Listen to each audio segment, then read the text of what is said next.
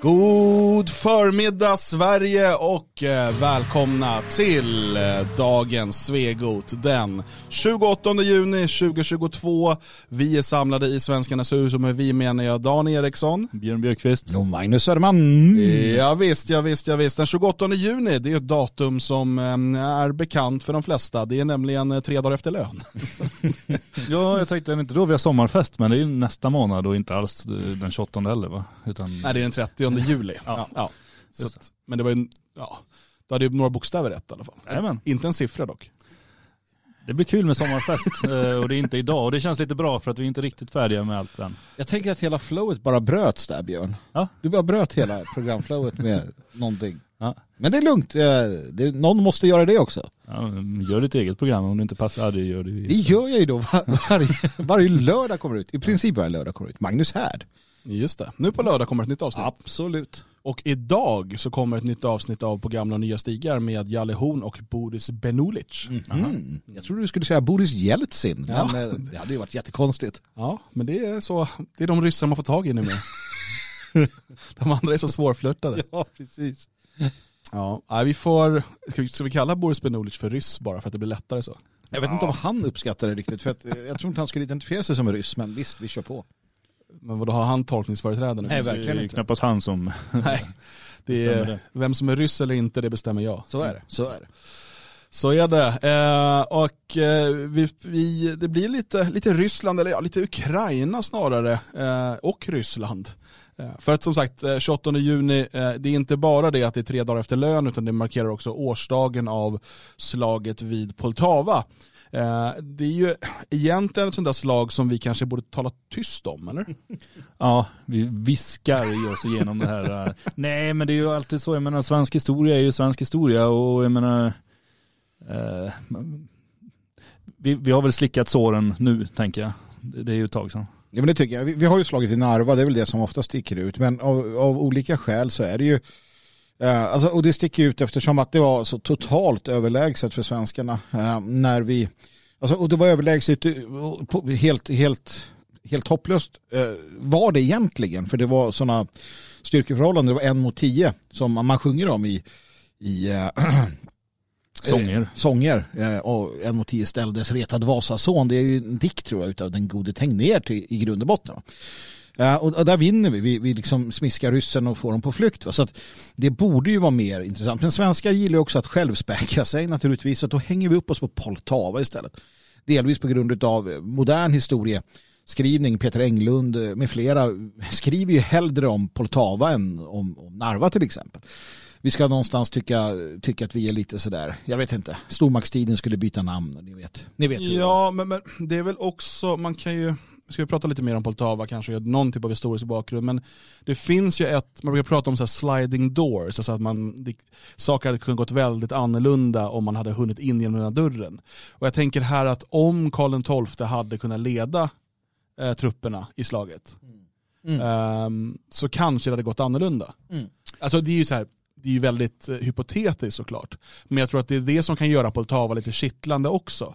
Att omständigheterna eh, kanske var det, alltså sådana små, relativa småsaker då, eh, gjorde att, eh, att det gick som det gick. Samtidigt så hade ju ryssarna en betydligt större armé. Mm. Ehm, och eh, eftersom de körde brända jordens taktik så kunde de, eh, alltså det var svårt för svenskarna att få fram förnödenheter och så vidare och slå läger. Ja, så Ehm, stridsviljan är ju sällan på topp om man är hungrig och fryser och, och ja, så, så det blev ju en allmän eh, irritation hos, hos många och, och även eh, bland eh, de, de högre soldaterna så att säga. Så det är svårt att driva fram en, en armé som inte ens riktigt håller ihop.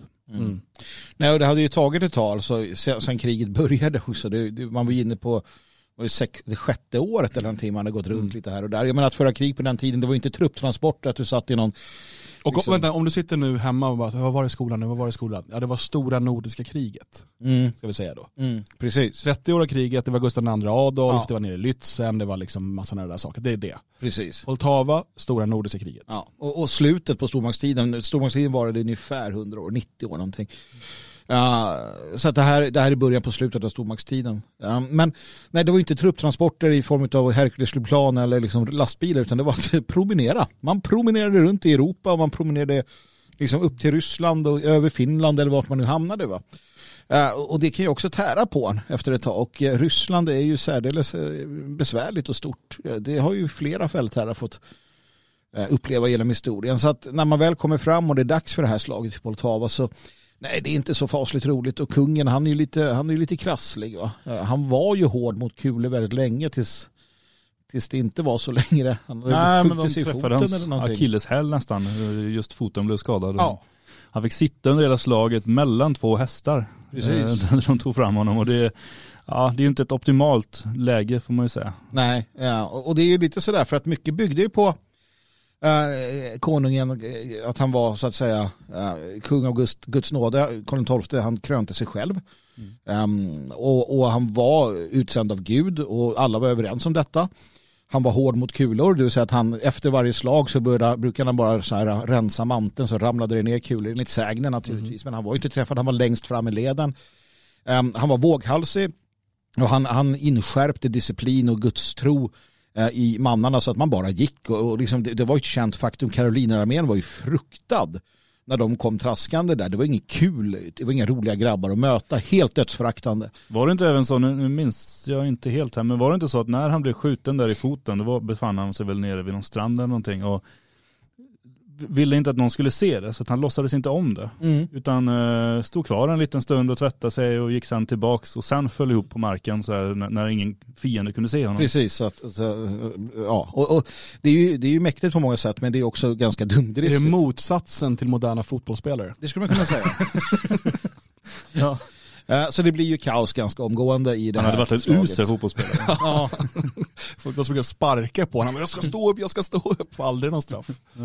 Ja, nej, så det blir ju ganska kaosigt ganska omgående i det här slaget. Uh, ingenting går väl egentligen som, som det var tänkt. Uh, nej. Och ryssarna är ju återigen många, många fler. Ja, de... och bättre förberedda och inte lika hungriga. Och... Men, men det påminner ju, det, okay, det är mycket som inte påminner om det, men om vi jämför det med liksom det moderna kriget nu i Ukraina, mm. så har du ju skillnaden här, det som sker här är att ryssarna har ju fortfarande i det här slaget fri lejd bakåt, hemåt, för sina, oh. eh, där de kan få sina förnödenheter. Mm. Medan de har, kört, de har, de har ju retirerat och kört brända jordens taktik. Mm. Så att det finns ingenting att äta eller det finns ingenstans att slå läger ordentligt för svenskarna. Nej. Och svenskarna har mycket längre transportväg för att få fram förnödenheter och nya trupper och vad som nu skulle kunna behövas. Mm.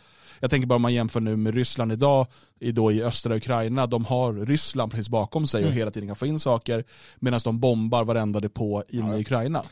Um, så att bara, bara den, den liksom lilla likheten till, till hur det ser ut idag. Och det gör ju, det är alltid mycket svårare att vara anfallande armé. Mm. Eh, och, och, än att vara försvarande armé. Här kan vi diskutera vem som anfaller och försvarar, men, men det är i alla fall så att Ryssland har närmare hem och liksom frilejd bakåt.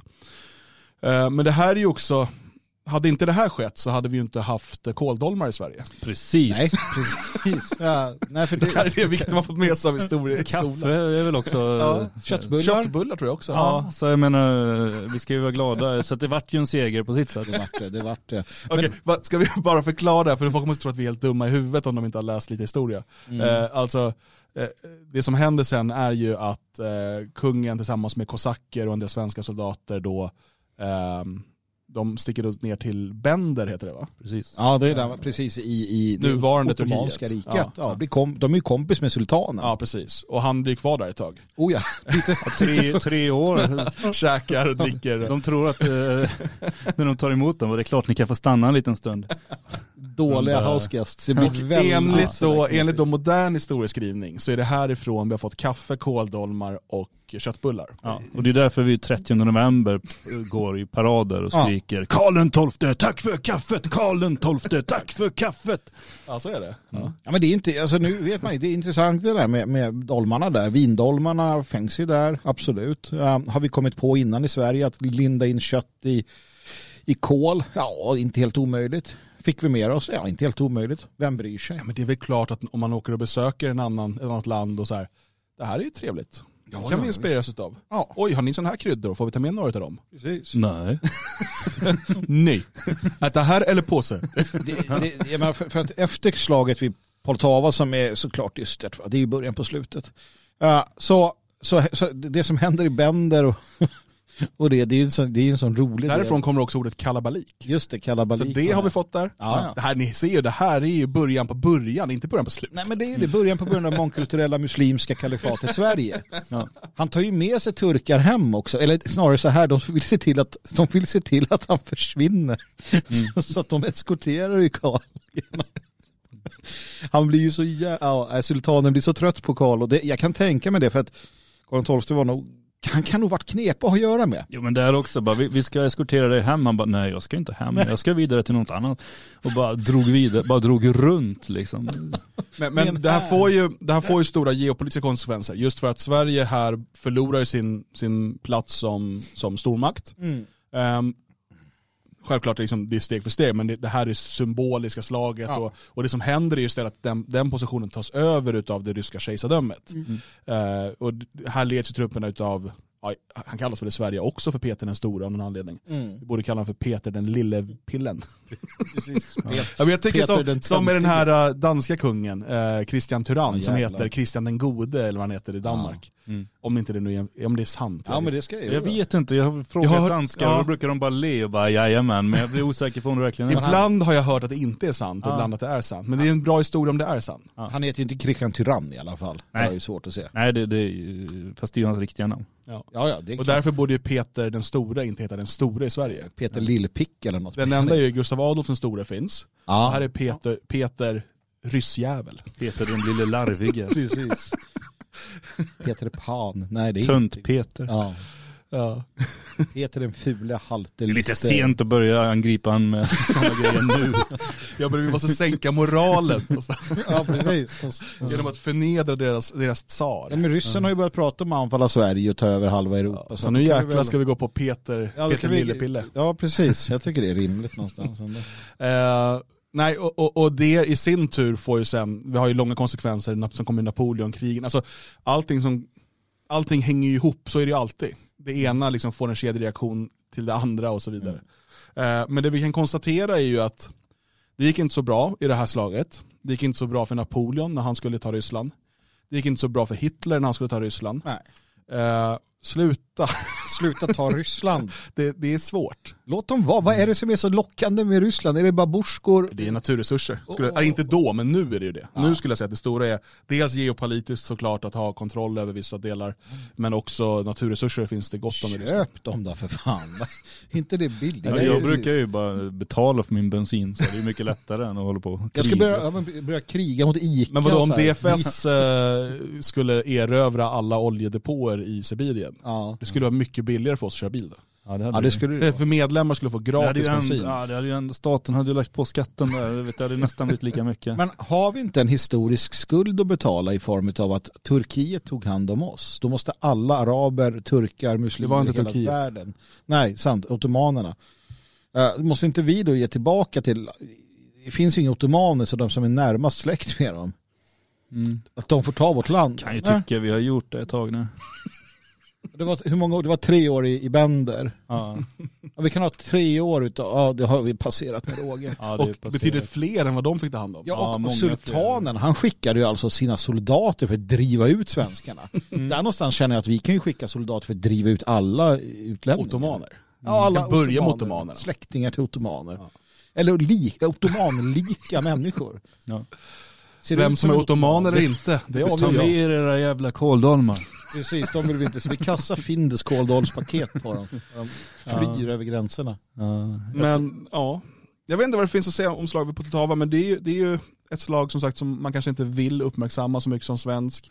Men det är ändå djupt, Jag satt lite stressad innan den här sändningen och bara, man ska ju hålla isär alla slagen. Och då tog jag fram Lennart Svenssons bok Ett rike utan lika ja. och läste eh, en snabb sammanfattning. Och det var eh, klokt av mig, för då kunde jag vara med i den här diskussionen på ett annat sätt än att bara prata kåldolmar. Eh, så att, eh, det är ju ett litet tips till alla människor att Ett rike utan like som finns på logik.se. Även boken Kung Karl den unge hjälte av Grimberg är ju ett bra tips i det här sammanhanget om man vill ha koll på vår historia och det vill man. Ja, och jag skulle säga att det inte bara handlar om att ha koll för att kunna liksom briljera på släktmiddagar. Utan Ja, mycket. det, men det, är en, det är en stor fördel. Eh, släktingar älskar ju när man är besserwisser. Mm. och det rättar årtal och tronföljder och sånt. När folk säger även drar igång diskussioner om historia så här. Så bara, ja, men nu ska ni få höra. Eller man sitter där med sin släkt som sitter och pratar om senaste Paradise Hotel. Typ. Man bara, slaget vid Poltava hörni. Vad tyckte ni om strategin? Eh, Nej men det, det, är ju, det är ju identitetsstärkande också. Mm. Och, och förstå att man är liksom, eh, en del av eh, den här, den här st- stora ärorika eh, historien. Med, med liksom sina upp och nedgångar såklart. Ja, nej, men det är som ett fotbollslag lite grann. Det kan gå åt skogen och så går det bra och så håller man på dem och så fortsätter det där. Håller på dem, hejar på Sverige. Ja, man hejar på Sverige. Kan man är man med och slåss och kan man inte så får man sitta på läktaren. Ja. Ja, uppemot 10 000 svenska soldater stupade i det här slaget. Eh, så låt oss ägna dem en tanke och eh, tacka för deras insats.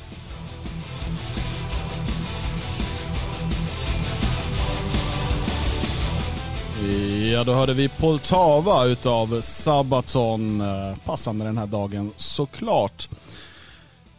Lars Vilks eh, dog ju i vad som har beskrivits som en eh, bilolycka eh, förra året och det här omgärdades såklart direkt utav teorier om vad som egentligen hade hänt. Mm. Folk försökte analysera de här bromsspåren, eh, det låter som att man får ut kalsongerna, det är inte det. Eh, bromsspåren eh, som man såg på bilder därifrån. Och frågorna var ganska många med tanke på att han färdades i en Säpo-bil som var en sån här specialutrustad oförstörbar bil som de hade kallat det. Eh, Och man färdades i väldigt hög hastighet. De hade en följebil som inte, eh, som inte hann med. Det- var många saker som reste frågetecken. Oh ja. Eh, och nu har ju då polisen i sin förundersökning kommit fram till att det här rör sig om en olycka. Eh, man menar att det inte går att eh, se att det skulle vara någonting annat. I den här förundersökningen finns också en ljudfil från eh, övervakning, någon typ av övervakningsbilder. Mm. Eh, där man hör två mystiska smällar. Ska se om, vi, om ni går att höra eh, här på den här inspelningen som finns. Ska vi se. Där har vi den första.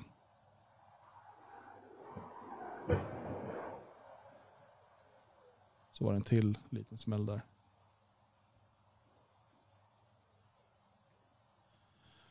Och de här smällarna kan ju polisen inte förklara.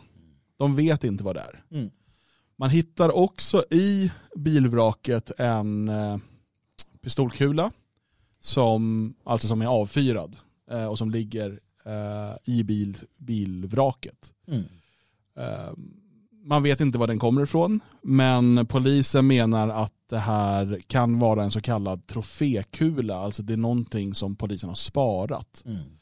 Eh, vilket får mig bara, det känns, ja, det finns något makabert i det, eller är det konstigt eller, jag, jag vet inte. Folk kanske gör sånt.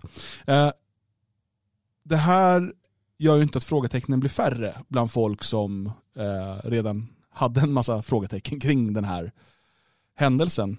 Nej. Ehm, men jag vet inte Björn, vad, vad du hör de här smällarna, det ligger en pistolkula i bilvraket, vi har de tidigare konstigheterna. Uh, är du, tvivlar du på polisens officiella version? Nej, det skulle jag väl inte säga att jag gör för att jag, jag skulle, alltså skulle det vara en stor konspiration bakom det här att man vill ha ihjäl honom och sen dölja allting och sånt där, då lägger man väl till att börja med inte dit en kula liksom, eller i så fall tar man väl bort den. Uh, det, det, det känns mer som att man har gjort en ärlig undersökning och sen är det klart att eh, de, de där smällarna man hör är konstiga och mm, det hade varit intressant att veta vad det är, men det lär vi aldrig få veta. Eh, för ingen vet det tror jag. jag. Jag tror att det är en ärligt genomförd undersökning. Kan det inte vara så att man, att det är alltid bäst att dölja sig i, i vad säger man, i, i plain sight eller vad säger man? Alltså att, du, du, att det kan vara bra att få det se ut som att man verkligen har grävt i undersökningen. Alltså att man planterar dit de här bevisen, eller man, man, man visar upp de här sakerna för att det ska verka väl genomfört. För hade man inte hittat någonting kanske det hade varit ännu mer konstigt. Så här kan man ju hålla på ett tag. Ja, för man måste ju bara fråga sig då var, varför skulle man döda Lars Vilks nu? Ja, det är ju det är den viktigaste frågan egentligen från början. men jag menar, säg att, säg att en av Säpo-poliserna är en eh, muslim som har lyckats ta sig in där och i åratal infiltrerat bara för att, för att jag menar, vi vet ju att Vilks var ju ett byte för islamister, så är det ju. Men knappast för svenska staten som har skyddat honom i, liksom, Men i sådana fall skulle väl den islamisten som, han skulle väl skjuta honom när han fick chansen eller någonting. Ja, inte göra en... Det här är för komplicerat för det. ja. Det som snarare skulle kunna vara, det är ju en eventuell skytt. Mm. Eh, kanske en krypskytt eller någonting. Eh, som attackerar bilen. Eh, och skjuter sönder däcken eller något i den stilen. Men det, det är det som är så intressant. För först och främst då, bilen kör i 180 km i timmen. Försök att skjuta på den. För, alltså, Ja, men, ja, med liksom vad... men nu är den ju kraschad så det kan jag inte. Nej, men liksom... Det kommer en 180 bil, ja, men om det kommer en bil 180 så ska du skjuta på den. Det, det är inte, det, jag vet inte vad du ska ha en, liksom, Och träffa däcken och just, träffa för det är ju däcken. enda- Och däcken är ju just, de är ju punkteringssäkra. Så att, Ja, fast det är det som officiellt har ju, har ju däcken sprängts. Ja, men Ja, är och de, vad är då- Nu, jag läste om det där nu, nu är jag osäker på källan vart jag läste det, men någonstans läste jag att det är vanliga luftdäck men med extra skydd utanpå som gör att man kan köra flera kilometer till om de går sönder. Men då de testade typ för upp mot 100 kilometer i timmen, inte upp mot 180. det, det jag tänker är, jag har också sett lite olika om det där, jag kommer inte ihåg, men det jag tänker är att vad är mest sannolikt? Att man skjuter på så kallade punkteringssäkra däck som går sönder och leder till detta. Eller att, att så här, att du skjuter på en bil som rör sig väldigt snabbt, träffar däcken ehm, med en pistolkula som sedermera hittas, pistol just också. Mm. Uh, vilket liksom studsar på den bilen. Eh, men okej, du träffar på ett sånt sätt så att det går sönder och att bilen då sladdar över och alla dör. Eller att däcket går sönder. Att det, att det, liksom, det går sönder för att det är dåligt. För att, Baronen skriver i chatten här också, det var min nästa fundering. Eh, Har det getts någon förklaring till varför man kör 180 km i timmen? nej men varför kommer jag på mig själv med att köra 180 i timmen? Var, var, eller- jo, men eller du är liksom- inte på uppdrag av Säpo för att ha ett skyddsobjekt i bilen. Nej, men Det är en skillnad, det måste du ju erkänna. Jo, att det är en skillnad att, att du som, som ensam fartåre liksom gör det. jo, Än om du har, ditt, ditt enda jobb är att se till att den här personen inte dör. jo fast, fast Så bara, jag kör extra fort! Det är ju motsatsen till ditt jobb. Ja men det är nog där det faller. Det är nog det. Alltså att eh, det, det är två poliser som är trötta och vill hem. Ja, men, Eh, har vi inte pratat om att i 20 års tid så har man tagit in allt sämre Ja, men jag tror att de som får den här typen av tjänst är inte de sämsta. Nej, det är inte de sämsta, men jag menar, tittar man på vilka, vilka som satt, har kommit in, alltså själva, själva, alltså själva stratat av poliser du kan välja ifrån har ju blivit sämre. Och det gäller ju säkerhetspolisen också, för de rekryterar ju från den vanliga polisen. Så att, jag menar, det kan ju vara vad som helst som sitter och Ja, kör. alltså, så här, den logiska, eller vad säger, jag, Ockhams rakknivförklaringen, Mm. det är det som Björn säger, de ville hem, Mm. de körde extra fort, det är de här vägarna, det var i Småland va? Ja, Det, ja, de här land- fina, raka. Jo men det, det är ju liksom, där kör alla för fort i stort ja, sett. ja. Eh, vi, jag har till och med suttit i en bil där vi åkte fast för fortkörning där. Mm. Det var roligt. Eh, låg i 120 på en 70-väg. Mm. Åkte kortet direkt.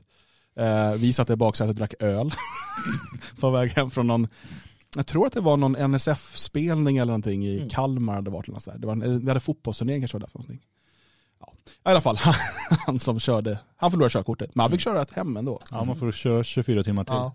Om Ehm, man inte kör ihjäl sig för då kör man inte mer. Nej. det inte. Men, men de här vägarna, det är många som kör fort. Okej, så den, den rimliga förklaringen och hans rakkniv. Um, och eh, någonting hade, liksom, man hade inte kanske eh, haft en, det kanske var länge sedan man gick igenom de här däcken, de kanske var slitna eller sådär. Eh, så att däcken går sönder under den här, eh, forta den här snabba körningen. Mm. Eh, och eh, man har otur helt enkelt, att det är en lastbil på andra sidan, man smäller in i alla de här sakerna som Mm. sker då. Det är ju, det är ju den enklaste förklaringen. Men att, folk har, att det finns frågetecken kring det är ju inte så konstigt. Men det är också väldigt svårt att hitta, som vi försöker här nu, hitta en alternativ förklaring som håller. Om, för det, det här att de här två polismännen då skulle begått någon typ av, eh, eh, liksom, eh, vad, vad, heter det som i Japan? Suicide by Lars det? Vilks. Ha- Harakiri eller vad kallar de det? Ja. Och liksom, eller att de skulle, att det är någon typ av jihad, att de så här, det är självmordsbombning nästan. Mm. Den, det, låter, det är alldeles för orimligt. Det, finns, alltså det, det är så, ett så onödigt sätt att göra det på när de hade kunnat döda honom. Om de hade velat döda honom. På massa gånger innan. Mm. De har ju jobbat tillsammans länge de här också. Så då är alternativet eh, antingen att man har mixtrat, alltså om det inte är en olycka, att man har mixtrat med bilen på något sätt. Alltså när den stod parkerat eh, kanske då eh, satt fast någon typ av sprängladdning. Eh, det borde ju då, om det inte är en konspiration från polisens sida, polisen hittar, för de säger det, de hittar inga liksom, krutrester, ingenting som tyder på det. Eh, eller på att den har beskjutits. Om nu inte polisen ljuger, men det är också, vi håller oss inom det rimliga här just nu. Eh, för när det gäller Lars Vilks, det är som att polisen inte hade någon, vad vi kan förstå, något motiv för att döda Lars Vilks. Utan det skulle ju vara islamister i sådana fall. Som inte har tagit på sig det. Som inte har tagit på sig det, i alla fall inte någon seriösa. Det är alltid någon Nej, på Facebook. där, där faller det ju också för att jag menar, de har ju försökt döda Vilks flera gånger. Eh, de- har ju varit hemma hos honom när han inte har varit där och polisen har gripit folk som har varit, för jag menar, även när Vilks varit borta så har ju hans hus varit under bevakning och så. så att, och sen var det väl, var det inte i Danmark där de sköt ihjäl några stycken i samband med att eh, Vilks höll en föreläsning? Ja, ja de träffade några. Dog det folk? Det kanske det gjorde? Jo det gjorde det. Ja, jag för mig att det Ja. dog ett par stycken där. Men, så att jag menar, det har ju, visst fanns det en hotbild mot Vilks, det är ju ingen tvekan om den saken. Men att eh, jag tycker också att svenska staten har visat tydligt att de vill skydda honom. Mm.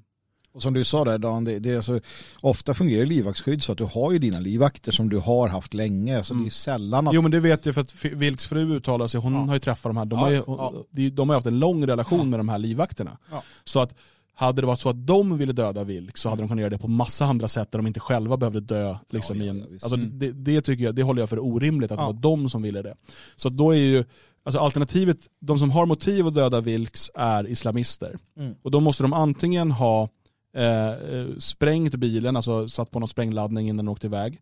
Eh, eller någonting gjort så att det förstöras. Eh, Det hittar polisen inga spår utav. Mm. Om, om vi nu inte förutsätter att polisen liksom ljuger om detta. Men, Ja. men det, det kräver, då, återigen det, det blir så att Eva-Marie skrev här, polisen ljuger, polisen är politisk. Jo men det är fortfarande så att polisen har gett livvaktsskydd till Vilks i många, många år.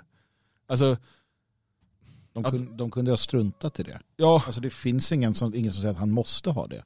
Nej men och, och sen eh, Sen, eh, och sen det, det andra alternativet då är ju då att, man, att bilen beskjuts på något sätt. Och där har vi ju försökt och vi kan inte hitta ett rimligt sätt som det sker på. Nej. Ehm, Nej, men I så fall om man ska titta liksom, eh, utifrån att det är ljugs och sånt där, då kan det ju lika gärna vara att eh, nej, alltså Vilks råkade vara i bilen men det var en av poliserna som var måltavlan för att eh, andra, han hade varit otrogen med en annan polisfru och då hade Ja. de gjort det, nu döljer hela poliskåren allting och man lyckas få med sig tekniker och allting på, på den här konspirationen och ljuga om allt. men, men nu skriver Eva-Maria också, utredningen kan vara lögn. Jo men det här är ju precis så konspirationsteorier fungerar. Man kan säga att det kan, för det är alltid så här, det kan vara så att, jo jo, alltså i teorin kan väldigt mycket vara. Jo men det är klart det kan. I men teorin kan ju Björn vara en android. Ja, men man måste ju Ja. där kunna prestera, ja, man måste kunna prestera ett varför. Ja. Ja, och, och kan man inte det så finns det ingen mening att upprätthålla eller, eller att fortsätta resonera kring det. För, och det finns inget svar på varför. Det finns ingen, ingen logisk förklaring till varför svenska staten i detta sena skede skulle göra detta. Eller någon enskild polisman som har jobbat med de här i många, många år. Um, det finns liksom ingenting som det. Och ingenting tyder på det. Det här vi hör, det kan vara med största sannolikhet så är det däcket som smäller. Ja, och sen är det en krasch på det där. va. Var kommer inspelningen ifrån? Det är en, en kamera, en övervakningskamera på en villa. Um, så att, så att det är med största sannolikhet vad det är. Återigen, jag, jag utmanar alla som tror att någon har stått med en, med en 9 mm om det är det, en, en pistol eller revolver och skjuta på en bil som kommer farande på motorvägen. Vi kan låta den köra i, i 80. Du kommer inte träffa. Um, och, och vi kan, samma person kan få skjuta på en människa som springer zigzag framför dem.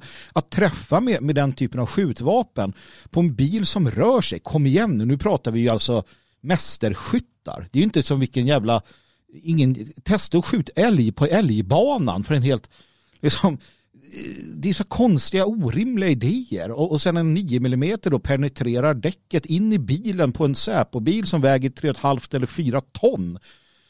Liksom, Mm. Då vill vi verkligen, åh, vi, vi vill verkligen Mm. att, att vad? Att svenska staten mördade Vilks efter att ha tagit hand om han i 15 år. Mm. Så bara, nej nu ska vi döda honom för nu tror ingen att vi ska göra det för det här har varit vår plan hela tiden. Inte konstigt att folk säger, men, ni, ni, ja, men så här, om, om man tittar på det utifrån så bara okej, det är sådana här ni är. Ja men jag går vidare till ett annat gäng för ni verkar ju faktiskt dåraktiga. Nej men för grejen är ju att det sker ju mycket, alltså det, det sker mycket olyckor ute på vägarna. Det, det är ju likadant som när, man bara, ja det är väldigt många kändisar som har dött i flygolyckor. Bara, ja men det är också de som flyger mer än Mm. många andra, vilket gör att statistiken uh, höjs för dem liksom. Eh, och, och samma sak här, jag menar Vilks åkte runt på vägarna jämt med, med de här uh, Säpo-beskyddet. Och ligg och kör 180, eh, mitt i natten, du är trött. En, en liten eh, fel, eh, liksom, väjning. Har man kört 180 så vet man ju att liksom en lit, man märker, man rör ratten lite grann Ja, och så kränger ju bilen liksom. ja. Så att, och där kan du ställa till mycket in i räcket. Och vi har såklart över. bara kört 180 i Tyskland ska jag Ja, säga. men kör du Ja. 120 med en, bil, med en bil som väger 4 ton, Mm. det är momentum eh, och gör en sån här grej, så får vi se. Så får vi se hur jag, ja, men jag hade bara hållit i ratten. Men ja, eh, däremot, nu är ju de döda de här poliserna. Eh, Mm. Är det några som kan klandra så är det ju de som kör så fort. Ja det är det ju. Där, där har man nog det säkerligen tittat lite på Säkerhetspolisen varför i helvete folk kör på det sättet. Ja. Men man känner sig väl, som alla vet, du känner dig ganska, alltså det är som när man hamnar i en lastbil, du känner dig ganska stor och stark. Sitter du i en bil på fyra ton med pansarrutor och allting, du känner dig rätt kaxig. Eh, och, och det kan du göra trots att du har många år i tjänsten. Det kan ju också bara vara så att han satt, kanske någon som hade varit otrogen mot någon, frugan, hemma, problem, vad som helst. Du lyckas inte lämna det på jobbet, du sitter där och tänker, kör snabbare och snabbare och tappar kontrollen. Vad fan, det händer varje Det är dag. fruarnas fel. Ja, eller hjärtinfarkt. Jag vet inte hur gamla de här var. Hade de tagit sprutan? Mm. Eh, fick de ett blodtrycksfall? Jag menar, allt det här är mycket mer sannolikt än att det stod en islamist eller en Säpo-polis vid vägen med 9 mm och satte i däcket på en bil på motorvägen. Vi, ska ju då, vi kommer då i kvällens sändning bege oss till motorvägen och stå och skjuta på bilar och se om vi träffar. Så kom till E20 runt 20.00 utanför Hova. Vi testar lite olika vapen. Jag har en, en minigun. Jag tror att då kan jag träffa, kanske. Ja, jag ska köra bilen, 180. Fram och tillbaka, fram och tillbaka. Får vi se. Hörni, eh, tillbaka till det här året. För tydligen är den största debatten 2022, det är abort. oh ja, alla är ju så oense. Det Ja. är 2022. Och så i Sverige behöver man ta tag i det här nu. Ja. Vi ska lyssna på Ebba Busch. delar, förstår den bara, oro som väldigt många kvinnor nu i USA känner. I delstater där aborträtten riskerar att krympa ner mot nollpunkten. Jag förstår den Nollpunkten. oro som miljoner kvinnor i världen lever med varje dag. Där möjligheten till abort överhuvudtaget inte finns inom landets gränser. Fan överlevde de förr. Jag förstår också den oro som nu sprids i Sverige när diskussioner förs om kan samma sak hända här? Men jag köper inte att Magdalena Andersson är orolig. Att Magdalena Andersson är orolig för svensk abortlagstiftning och att aborträtten i Sverige skulle vara hotad. Hon vet att noll av åtta riksdagspartier vill skärpa svensk abortlagstiftning eller förändra den. Så gud vilken intressant diskussion det skulle kunna bli det här. Nu kan det bli debatt. Nu jävlar. Däremot så skapar hon ytterligare oro hos redan oroliga kvinnor. Beskriver hon just kvinnor som jävla nervvrak som var ute oroliga. De sitter och grubblar över, vad, men om jag vill göra abort? Det är ju noll av åtta som vill. Det är ju fler än, jag vet inte men jag är orolig. Eller Det är vadå? fler än 0 av 9. Ja. Ja, jag vet inte faktiskt. När hon säger att samma sak kan hända här. Samma sak, alltså vadå att, att regionerna skulle få besluta. Ja, men det är lika, det är lika sannolikt som att eh, Lars Vilks bil blev beskjuten. Så jag vill upprepa för våran del. Det kan finnas enskilda som vill, vill det. Det kan finnas krafter som vill, vill det i Sverige. Vi vet att det finns. Men jag upprepar att vi kristdemokrater kommer att försvara Sveriges abortlag. Vi Det, är intressant, kristdemokrater. ja, men det intressanta är, hon brukar ju ofta höja upp Kristdemokraterna i Tyskland. Ja. Eh, Angela Merkel Ja. och bla bla bla. Och det går absolut inte att ändra på Sveriges abortlag, för den är, på något sätt är den perfekt. Den är, den är helig. Här har man nått liksom, det här det man Ja. kommer. Men Tysklands abortlag tillåter ju bara fri abort fram till vecka 12 med krav på psykologsamtal innan. Och god information om alternativ som adoption och vilka andra alternativ som finns. Det måste ges, man kan inte bara gå in och säga skrapa bort den. Nej, men, tror jag inte att det är så kvinnor gör, men det- alltså, för att göra- alltså överdriva lite. Alltså förstår ni vad jag menar? Det är ju vad de gör i Tyskland till exempel. Eh, där hennes, liksom, hon håller ofta fram om, ja men kolla, i, i Tyskland är ju Kristdemokraterna, där är ju mainstream, där är det ingen som har på frågor om vi är kristna eller inte. Hon var med i sista måltiden här nu och, och var så himla sur på att folk alltid skulle fråga om hon var kristen. Och så frågar de aldrig i Tyskland. Nej, men För det vet de ju, alla vet att det är de inte.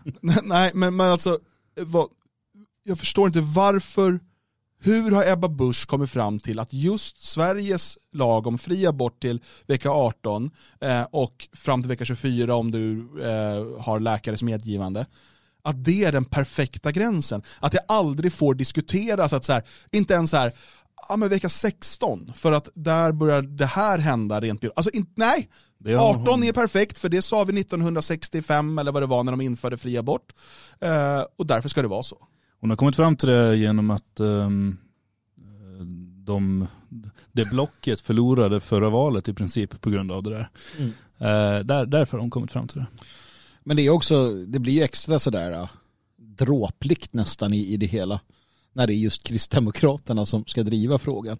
För det är ändå någonstans så att eh, som, som, nu nu är de ju inte kristna och det är ingenting som hon liksom aspirerar på men det är fortfarande det parti som ändå ja, någonstans representerar den, den delen.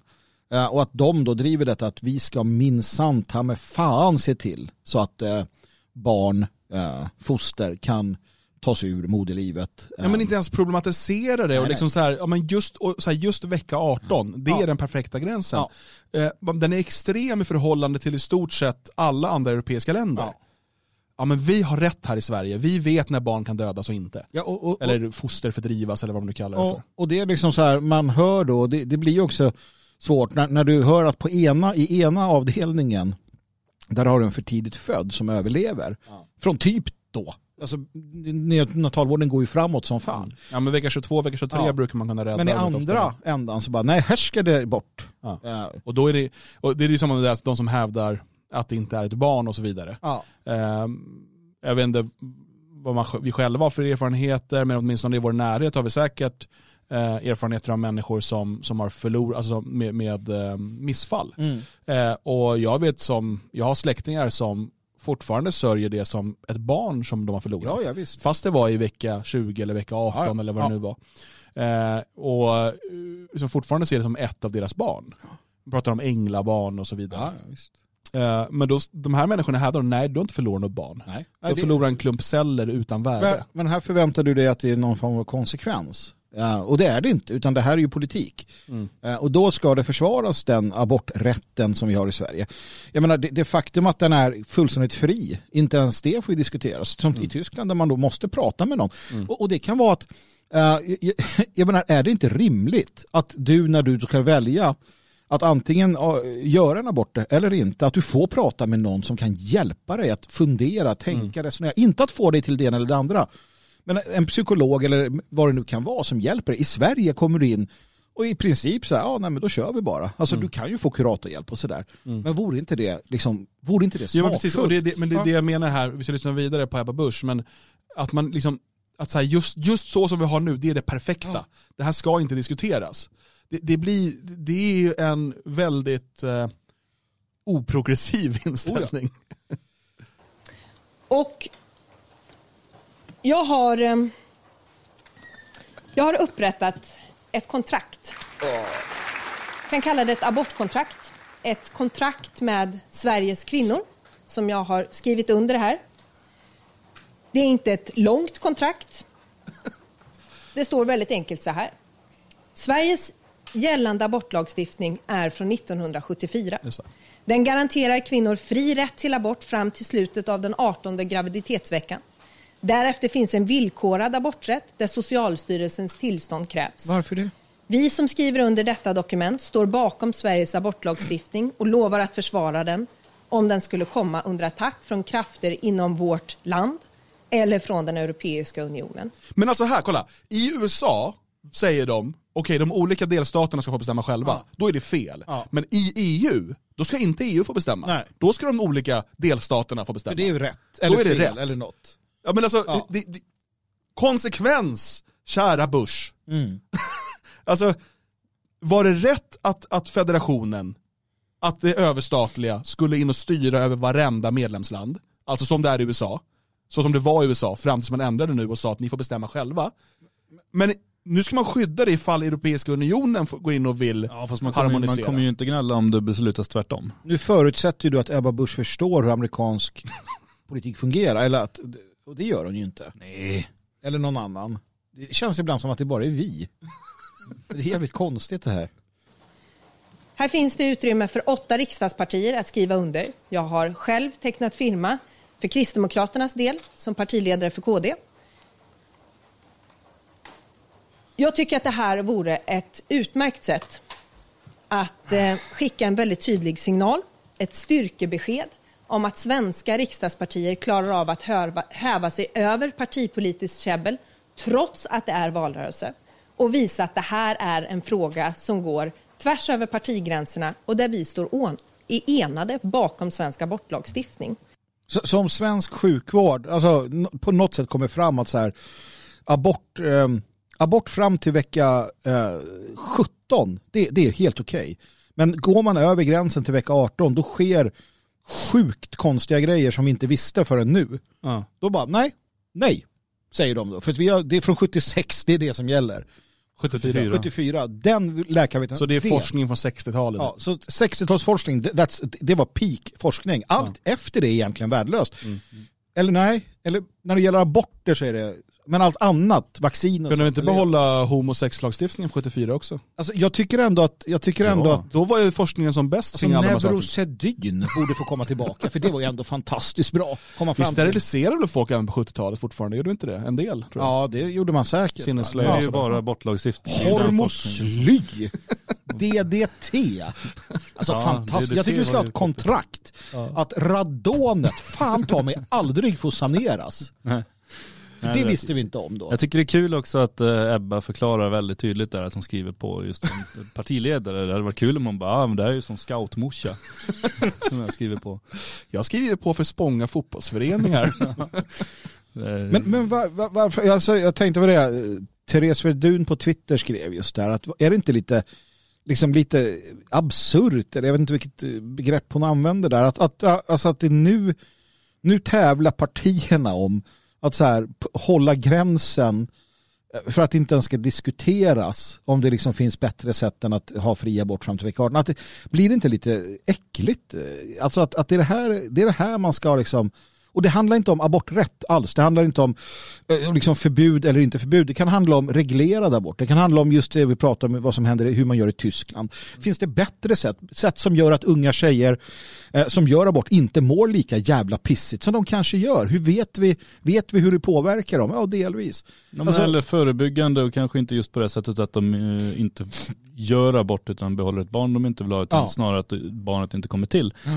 Ingenting sånt får man ju diskutera. Nej, utan utan- Det är bara, det är jättebra med aborter, ju fler desto bättre. Ja, att, att det just är bra. Och det är det som blir problemet. När man någonstans utgår från att det är bra med en abort. Det är Mm. ingen som säger att det är problematiskt, det är skitjobbigt, du, du kan få skador, men för livet, psykologiskt är det är ingen som säger det. kan bli eh, inf- alltså infertil. Ja, det kan det också bli. ja. Det blir svårare att få barn. Men det man säger att nej, abort är bra. Vi står upp för rätten till abort. Abort är fint, bra, du ska vara stolt över din abort. Sen finns det ju den här underliga, eh, det här som faller samman också, att samma människor som då jobbade för fri abort i Sverige, Mm. eh, vilket har lett till aborterandet av ungefär en och en halv miljon svenska barn, Mm.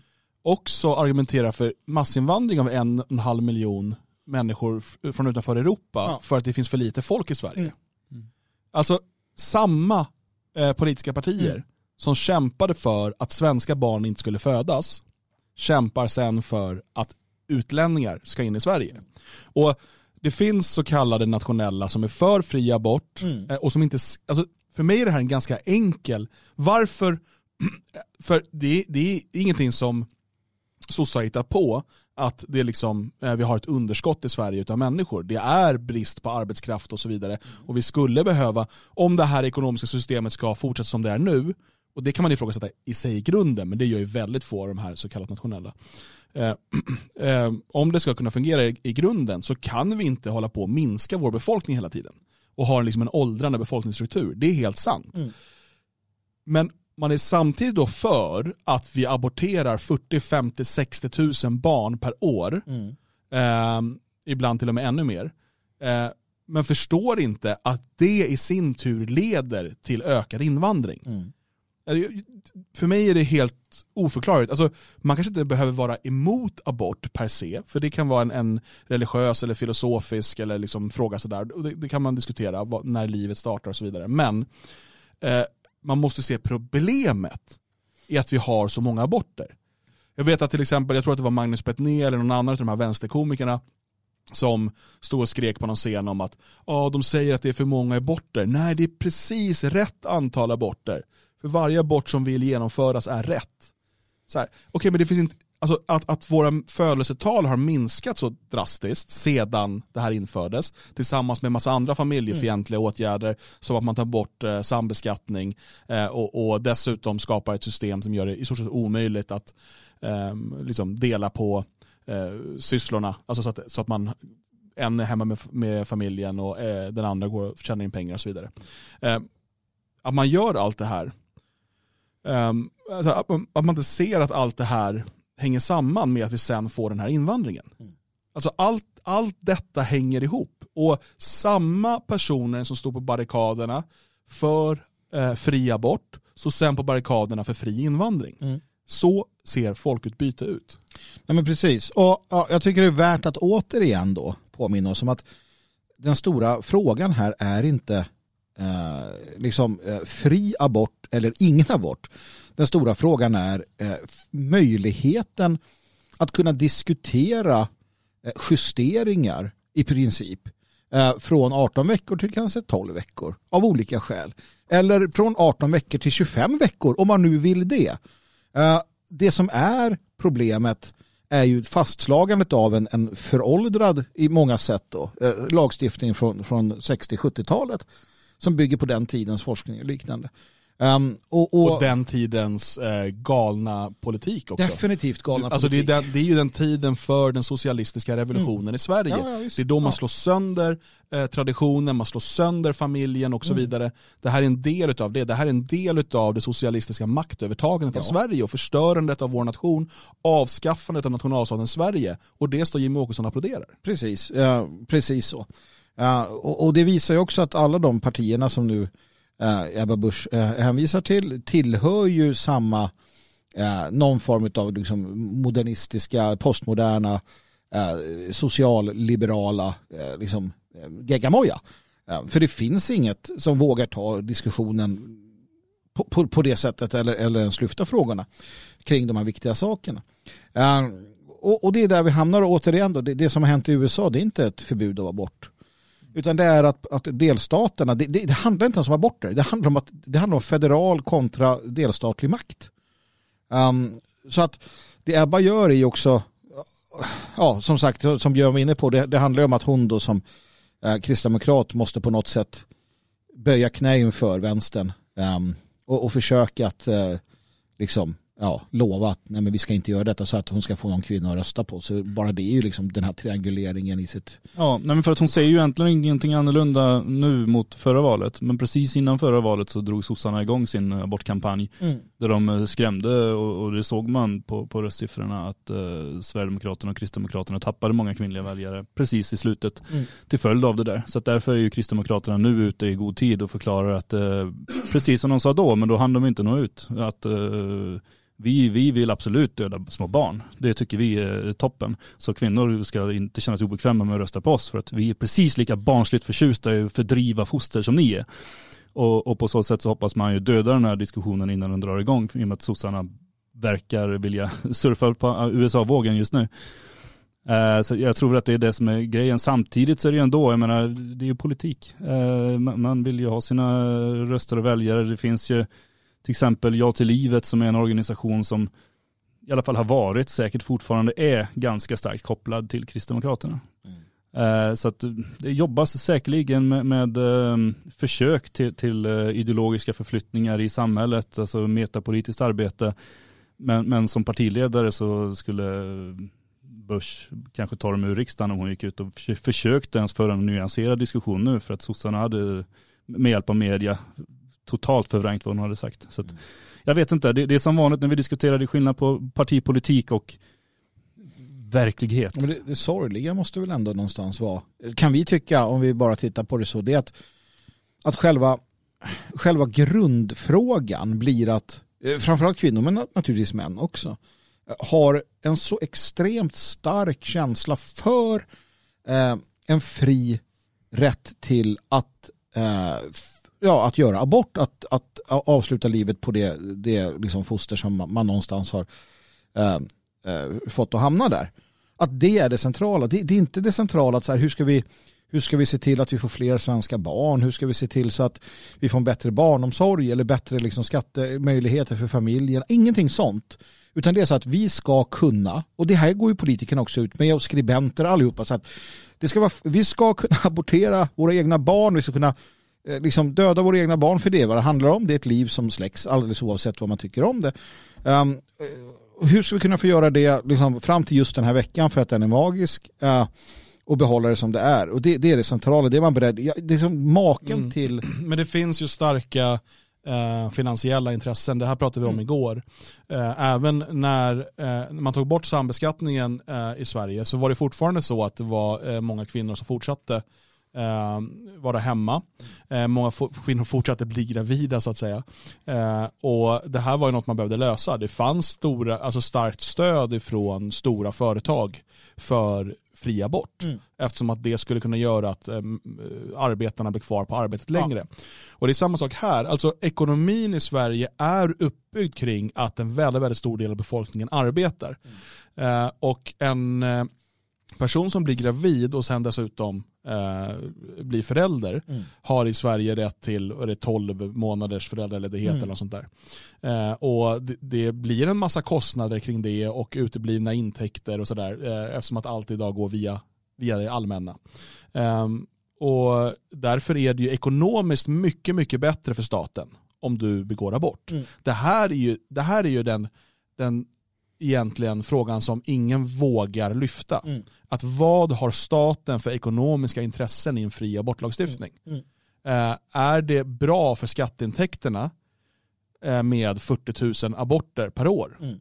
Det kanske är det på ja, kort sikt åtminstone. Ja. Sen behöver man fylla på med folk, ja men då har vi invandringen. Ja, det ger och alla människor andra. är likadana så att uh, de kommer ju kunna ersätta det mycket bättre då. Och, och här har du ju, uh, vare sig du är då höger eller vänster i den kontexten, uh, då är man ju för samma idé. Återigen där, det är ju bra med en inhemsk, uh, en inhemsk abortpolitik Eftersom det öppnar upp hål som sagt som du måste fylla på med. Och för sossarna så fylls det på med röstboskap och liknande. Och för andra sidan så, så fylls det på med billig arbetskraft. Så att samtliga politiker och politiska, den liberala demokratin tjänar ju på eh, en stor, en, en omfattande abortering av de, de egna fostren. Absolut är det så. Och, och som du säger, eh, det, det, är vad det handlar om. Och jag, jag, blir någonstans beklämd, men det är så det är också, att människor ser ju aldrig den stora uh, den stora uh, bilden här utan det som händer när man tar upp detta det är det att, ja men vadå? Om jag blir våldtagen ska inte jag få göra abort. Så, men det handlar om att vårt land och vårt folk, jo, att det, aborteras 60-70 000, du har en ekonomisk utveckling, du har en välfärdsstat som krackelerar, du har det på det på det, du har, det går tillbaka till 60-70-talet och, och planeringen där det, det, är inte dig det handlar om. Det handlar om en mycket större ja, bild. och dessutom så är det liksom, vi pratar promille av aborter som genomförs efter våldtäkt, ja, våldtäkt ja, eller incest. Det där, det där, alltså i USA i alla fall, det finns att på det i Sverige. Men det är ju liksom, varför diskutera den typen av extremfall? Alltså här pratar vi om att KD vill stoppa diskussionen från att ens handla om, liksom, okej, okay, skulle det kanske behövas ett psykologsamtal innan? Ja. Skulle det, alltså, inte, det finns ingen i Sverige eh, som diskuterar, alltså det är möjligtvis en del kyrkor och sådär, men liksom att man skulle förbjuda all abort punkt slut. Så Nej. är det inte ens i Polen. Nej det finns ju inte. Det, alltså... alltså nu säger man väl att det ska bli så i South Dakota. Eh, vi får se om det verkligen blir så. Jo precis. Eh, men, men återigen, där pratade vi igår om, eh, och du, man får gärna gå tillbaka och lyssna på, på gårdagens program när vi pratade om eh, utslaget i USA. Eh, för att här måste man också försöka sätta sig in i de här djupt troende kristnas eh, sätt att se på livet. Ja. För att förstå varför de resonerar så. Det är inte för att de vill vara onda eller elaka Nej, mot kvinnan utan det finns en syn på livet. Alltså, Och, och försöka förstå varför man har kommit fram till det här. Men den diskussionen finns inte ens i Sverige. Nej. Utan eh, det som finns i en seriös diskussion det är ju frågan om ska det verkligen vara fri abort, alltså helt utan någon som helst krav på liksom, eh, diskussioner innan, eh, möjlighet, alltså presentation av andra möjligheter. Är vecka 18 verkligen liksom, hu, liksom fastslaget att Mm. det är liksom en helt perfekt gräns att dra? Eller ska, kan det vara så att den europeiska standarden vecka 12 kanske är Mm. rimligare eller vecka 8? Det finns olika diskussioner. Mm.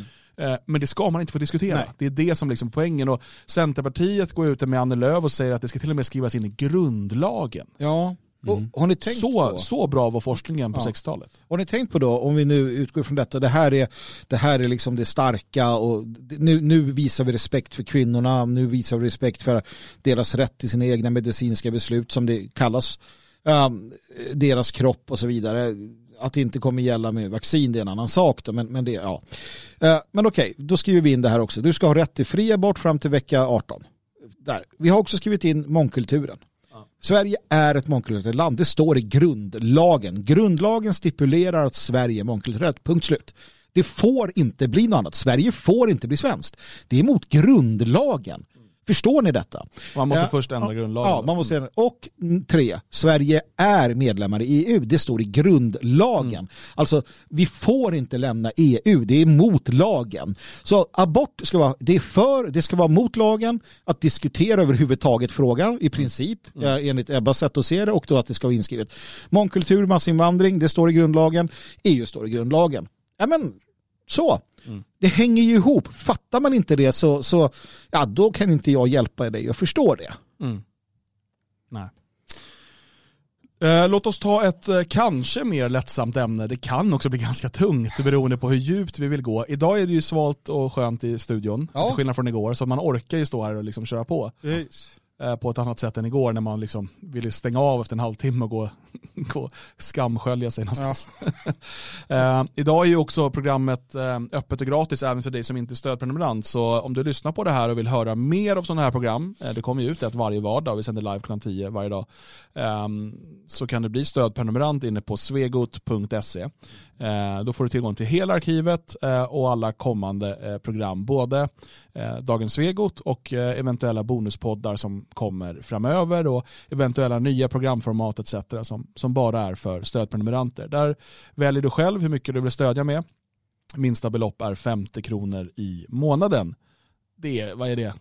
Det är inte... Ja, det är 50 kronor det är i en, månaden, det är en purjolök. Ja, ja, ja visst. Jag vet inte vad en purjolök Ja, kostar. de har väl gått ner i pris tror jag till Ja, skillnad det, var de en, det är det enda som har gått ner. Det var, det var ju snack Aha. om att det blir, istället för sill på en midsommar blir det purjolök. Ja.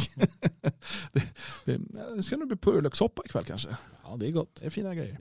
Nåväl, eh, vi ska prata om eh, förvuxna barn, eller vad man nu ska kalla dem. Eh, det finns alltså ett fenomen man talar om numera som kallas för kidults, alltså Mm. kid och adult eh, sammanslaget.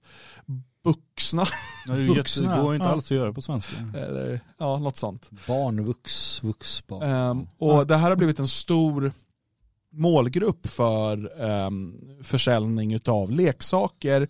Och i leksaker räknar man också in brädspel, tv-spel etc. Men sånt Ja. som historiskt sett har varit för barn. Um, samlarfigurer, Mm. samlarkort, Mm. sådana saker. Men det finns nu en allt större grupp utav vuxna, eh, liksom i över 30, 40 till med över 50 år, som är intresserade av de här sakerna, som köper de här sakerna.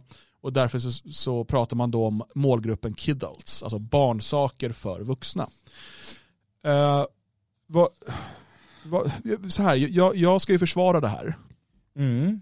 Det kommer vara min roll här. Och jag gör det helt, helt eh, eller ganska ärligt. Mm. Men vi lever ju i ett ganska infantilt samhälle Ja. där eh, människor Eh, ofta flyr ansvar, de flyr liksom att, att växa upp. Ehm, kanske det här med ungdom är någonting som pågår från jag vet inte, 13 till 35.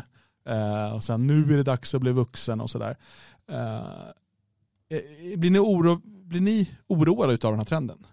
Jag blir inte oroad över någonting längre har jag kommit fram till. Ja, Nej, det stämmer inte. Det kan man bli. Nej, men alltså, jag ser det på två sätt. Det ena är, jag har varit inne på det här tidigare, långt tidigare, när jag sa det att min generation och ja, kring den generationen, vi är ju väldigt sådär att vi ser tillbaka på vår barndom. Uh, och jag menar just att sånt som att Cobra Kai då kommer, alltså fortsättning på Karate Kid, det är en jätteintressant och rolig serie som, eller jätteintressant, jag vet inte, men jag gillar den i alla fall. Den går på Netflix, det är liksom, jag vet inte, nu är det femte säsongen eller någonting, vi har fått se dem växa upp och de kör vidare. Du har Stranger Things, som är liksom 80-tals nostalgi. Precis, ja. till, till, alltså, sådär. Um, och, och, och, vi har sett hur vår barndomsböcker kommer levande i Sagan om ringen och det är game, det kanske inte den kanske tidig senare, mm. jag vet inte. Men nostalgin är liksom där. Vi, vi ser fortsättningen på Star Wars och trots alltså att jag man... slaviskt följer Rosa mannen på YouTube till exempel. Ja men precis det. Allt sånt här, det är en del utav, och det här tror jag inte har funnits tidigare. På det. Jag tror absolut inte att min farfar satt och sa, åh gud vad fint det var 1812 liksom, eller vad fan han levde. Ja. Vänta, hur gammal är du egentligen? nej men han var ju född på liksom, ja, han, var, ja. han blev pappa väldigt sent. Ja, nej men sådär. Uh, utan det är vår, vår, vår generation och 40-talisterna till del också naturligtvis. Uh, och att man då uh, gör business av det i den mån då till exempel då med, med Karate Kid-filmen eller liknande. Det är inget konstigt. Men om vi sen går över till det här andra då där vi ser till exempel, ett exempel var ju då en Barbie-docka eh, som är klädd som Sting eller vad det var. Uh, David Bowie. David Bowie ja. Och att den så här, ja. Eh, jag personligen tycker det är lite knepigt. Å andra sidan tyckte jag att en Playmobil-gubbe som var Martin Luther, ja, det var ju fantastiskt kul och den ville jag ha så den köpte jag. Så att jag vet inte vart jag ska dra gränsen när det är sjukligt infantilt eller bara en del av en liksom nostalgitripp som man, man får. Ja, men jag tror inte det är jättekonstigt med no alltså just nostalgin som sån och jag tror den också har funnits i tidigare generationer. Jag minns min pappa hade kvar någon sån här leksaksbil som han hade fått när han var liten som vi inte fick röra för att den skulle stå på en hylla. Vi rörde den och hade sönder den till slut. Men, ja. men, men, eh, det var inte meningen och, och, och, och jag menar det, det, ju äldre människor blir, ju, ju, oftare brukar de ju prata om hur det var när de var barn och unga och sånt där. Sen mm. har det väl det att vi har vuxit upp med tv, vi har vuxit upp med eh, väldigt mycket prylar, saker som vi, vi, som vi fäster oss vid. Och sen är det ju, vi har ju en gemensam kompis som samlar på uh, He-Man-figurer och sånt där mm. och har hur mycket sånt som helst och ska köpa originalförpackningar och sånt där. Och det ser jag väl inte som speciellt konstigt. Det konstiga är väl om man i vuxen ålder börjar leka med grejer. Ja, och det är, det, är det där vi är, Kiralts. Leker de med sina leksaker? Det är där jag börjar så fundera på om vi har en psykisk ja. sjukdom. För den bilden du, du använder till det här programmet. Ja, men det är något annat. Det är något helt annat. Jag tror att det där är någon typ av sexuell grej, att de klär ut sig i blöjor. Det handlade mest om att locka folk och lyssna. Ja, bra bild. Ja. ja. Nej, men,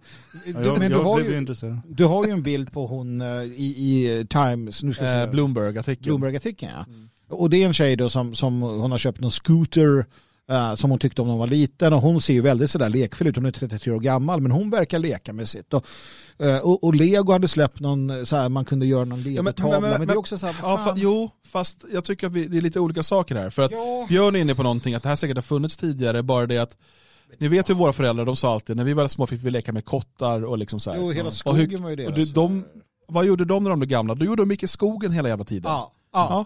Det var det där ju... kottarna fanns. Ja. Mm. Nej, men, alltså, det är också en skillnad i utbud eh, och om man till exempel då brädspel, det kan, sen, nu skapas det ju brädspel, eller det har gjort länge då, som också funkar för vuxna, där barn typ inte kan spela för det är för komplicerat och, eh, och så vidare med, med liksom, eh, alla olika regler och tärningar och saker som händer. Ja, ehm, det är inget konstigt. Det är eh, samma sak med datorspel. Eh, det finns ju spel som är mer riktade för vuxna. Sen finns det spel som är riktade för barn men som kan vara kul för vuxna. Du, ehm, och, men, visst, det finns någonting i det, det, ni säger med om man samlar på gubbar, så He-Man-gubbar till exempel, och sen leker, sitter hela kvällen och leker för sig själv som ett barn gör. Att så här, då, då börjar det kanske bli konstigt. Ja, det tycker jag. Ja, men, men just eh, jag tänker att eh, det, är, alltså det här att man fortsätter vara intresserad av det man var intresserad av i sin barn eller ungdom. Det är snarare helt naturligt. Man brukar prata om det att man fastnar i en klädstil man hade när, när man var ungdom. Mm. Det som var inne då liksom och sådär.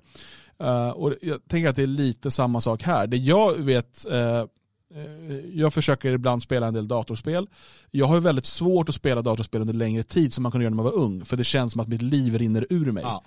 Jag kan tycka att det är kul en halvtimme, timme, men sen blir jag liksom, får nästan panik.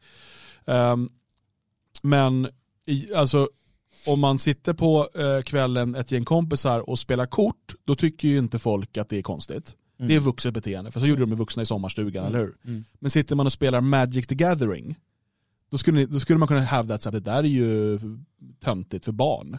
Ja. Men egentligen är det ju inte, alltså det är bara olika typer av kort. Jo.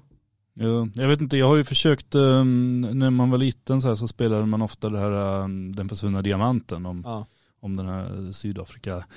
Ja, skitsamma. Eh, men i alla fall, och det har jag tänkt sen när man blir äldre så ska jag spela det med barnen och så här, det är ju fruktansvärt tråkigt. ja, de är inte speciellt bra de där spelen. Fruktansvärt tråkigt och likadant så här, typ finns i sjön. Mm. Man satt och plågade sina föräldrar med så här, i timtal satt de. Ja, stod men det är de för att det är för enkelt för vuxna så det blir inte roligt. Det blir Nej. liksom inget, det är samma, jag vet många spel som min, min son och nu även min dotter då har så här, så vill de spela. Jag märker att inget av det här har ju någon strategi, det är ju bara tur. Ja, slumpspel. Ja, det, är så här, det är ju tråkigt. Mm. Men det, därför finns det, så kommer det ut då leksaker inom citationstecken som är anpassade för vuxna.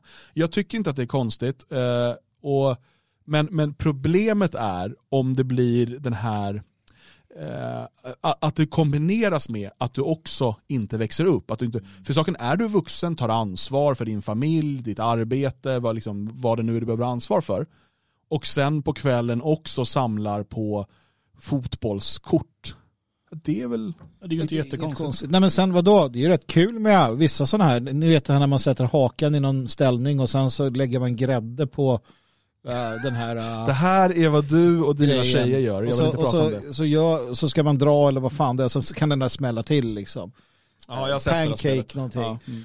Och sen finns det andra sådana här där du liksom helt bisarrt, du har någon där du ska hålla i någonting och så har du fel så får du en stöt eller vad. Ja. Sånt är ju jätteroligt att göra. Det är inga konstigheter liksom. Man kan göra det med, med Jo, men far- man måste farmor, också växa barn. upp. Du får inte bli att du bara sitter och leker hela dagen. Nej, nej, det är klart. Men det här blir ju generationsspel som, som funkar. Du har ju olika sådana här frågesporter och sånt där, quiz. Alltså det här med att ge folk stötar, gör inte det med farmor. Alltså det, det kan, pacemaking kan hoppa Ja, jo det är klart. Det, det förklarar ju. Men som sänka skepp är ju rätt kul att liksom göra. och Så här, det finns Ja, nu olika- hör vi att du har det en annan barndom än vad vi hade. Det är Lite- mycket sådana där spel från 30-talet. Ja, Ja, jag känner igen Magnus eh, risk. Här, ja. Risk. är- Jag är ju född ett annat årtionde än vad ni är. Ja.